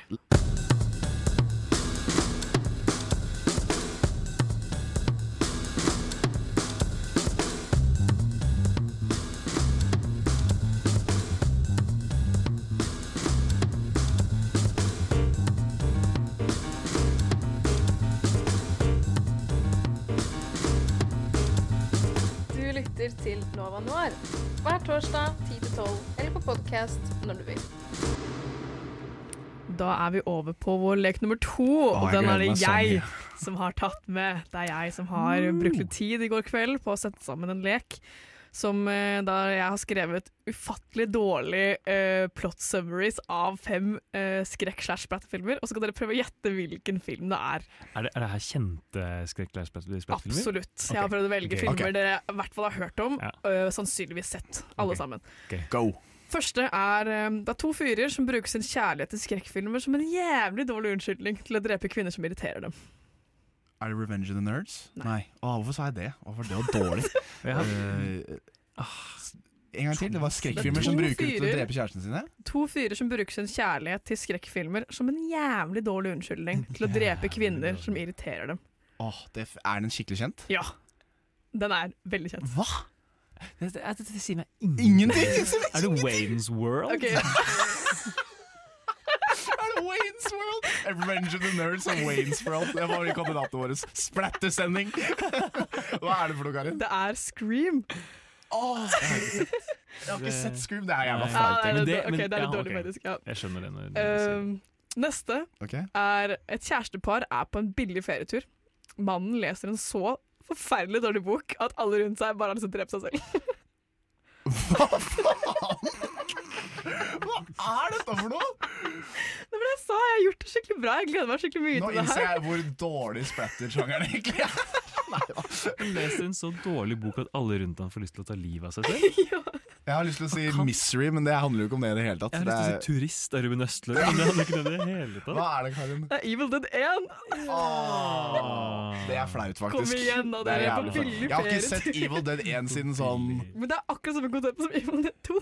Jo, men du, Dead 2 du phraser det på den måten at uh, det høres ut som at han leser en bok som er en bok, men dette her er jo en demonbok, liksom. Det er det er poenget. Det er jævlig dårlig forklart. Det er hele leken. Men er det du som har skrevet disse? Det er jeg som har laget disse. Ja, ja, det er bare Det, Det det, jeg. det bare var veldig Karin. vanskelig. Ok. Ok, Neste. En mann skriver sitt livsverk, men kona doesn't get it. Uh, The Shining. Hva tipper du? Det er jo kanskje sant, det. Er det The Shining? Det er The Shining. Ja, Det ja, helt riktig. Det, det, det var greit. Det Ja, det er bra. det er bra Ja. Jeg syns det var veldig morsomt. Kona Dustin doesn't get it. OK, Ok. én av tre, da. Det er ok. OK. det er greit. Helt greit. 1-3 til Daniel foreløpig. Uh, neste er en lege lar tre mennesker komme nærmere hverandre. Er det centipede. Ja, Det er helt det. riktig. Ja. Det er helt korrekt. Mm. Siste er vi bare dans? Å ja, det er uh, klimaks. Nei. Å, men det var veldig godt gjetta, Ja, det er godt. Det er, det er godt forslag. Det er bra. Det er ikke, Det det er er bare ja. Det er. Ja. Ah, ja. Men stakkars amerikanere bare sittet og danse på det her akademi, og så er det bare sånn hekser som tar over. Kult! Takk for Det meg. var, det var fine, fine, dårlige forklaringer. Jeg håper det. Jeg sa det liksom hjemme og var sånn Det her kan bli jævlig morsomt. Åh, det er gøy. Men så gøy, hva ble det? 1-1? Ja. Nei, egentlig 2-1, fordi 2-1 for du fikk The Shining. Nei, nei, det var 1-1. Det ble 1-1. En, en. Ja, det var 1-1. Ja. Vi tar den i hånda. Vi tar den i Da hånda er det uavgjort og sier, mellom Alexander og sier Daniel. eh, stalemate her. Ja, ja, ja. Tar, en, tar, tar håndbak etterpå. Så Ja, vi tar Da Da jeg sagt papir. Yes.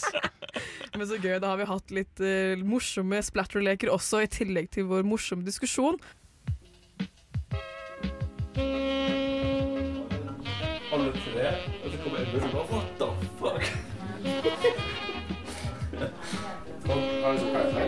Ja.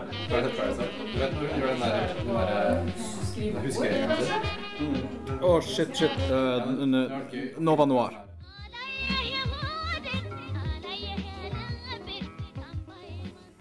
Da har vi kommet til veis ende med dagens Splatter-sending. Hva føler vi at vi har kommet fram til?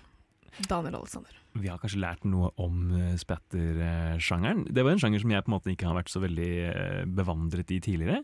Ehm, og har egentlig kost meg veldig mye med å se disse filmene her. faktisk. Ja, jeg føler jeg har mer å utforske. Eh, jeg føler dette er bare the tip of the iceberg. Jeg er helt enig. Eh, det er liksom en Jeg søkte jo opp noen splatterlister i, i forberedelse til den sendingen her, bare for å være sånn Hva er egentlig liksom det folk liksom kaller true?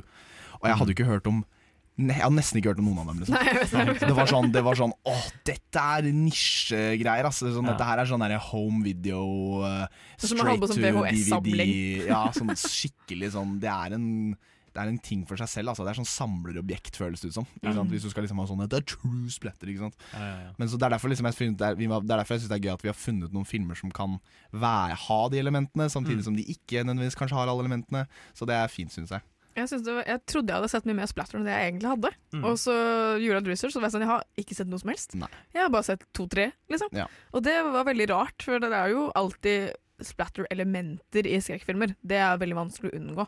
Men det å ha, lage en splatter-film tror jeg krever veldig mye mer enn det man tror. Ja.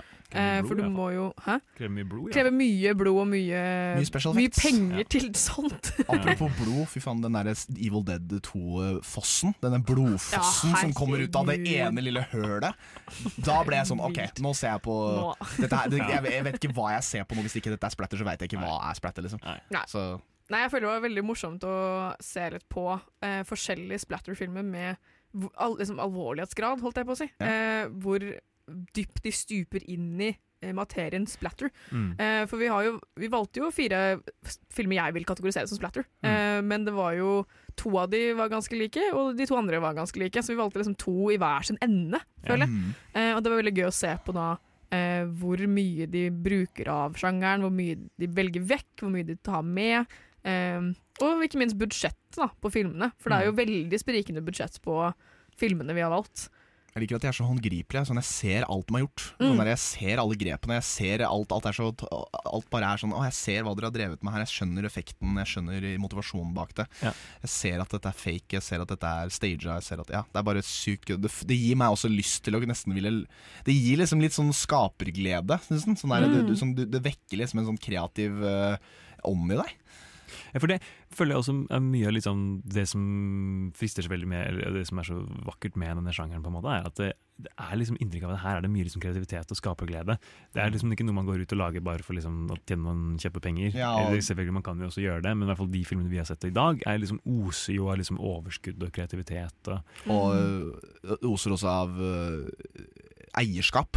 Ikke sant? Sånn, skikk, sånn at Det føles ikke Mm. ut som at det er et studio som har lyst til å lage en splatterfilm. Det føles Nei. nesten ut som en uh, Dette her kommer fra skaperen sjøl. Så Sam Raimi og Dairo Argento og Panos Cosmatos og uh, den siste Nair Zahir, Ja, alt det er jo liksom fra det er, Alle er jo fra dem. Eh, alle er skrevet og regissert av dem. Mm. Det er jo noe å ta fra disse, det er i hvert fall den sjangeren, disse filmene vi har sett på. da Absolutt. Noe, det er jo vanlig å anbefale en splatter til folk, og så er folk sånn Nei, det orker jeg ikke, det er så mye blod, det er så mye gørr, og jeg orker ikke helt det.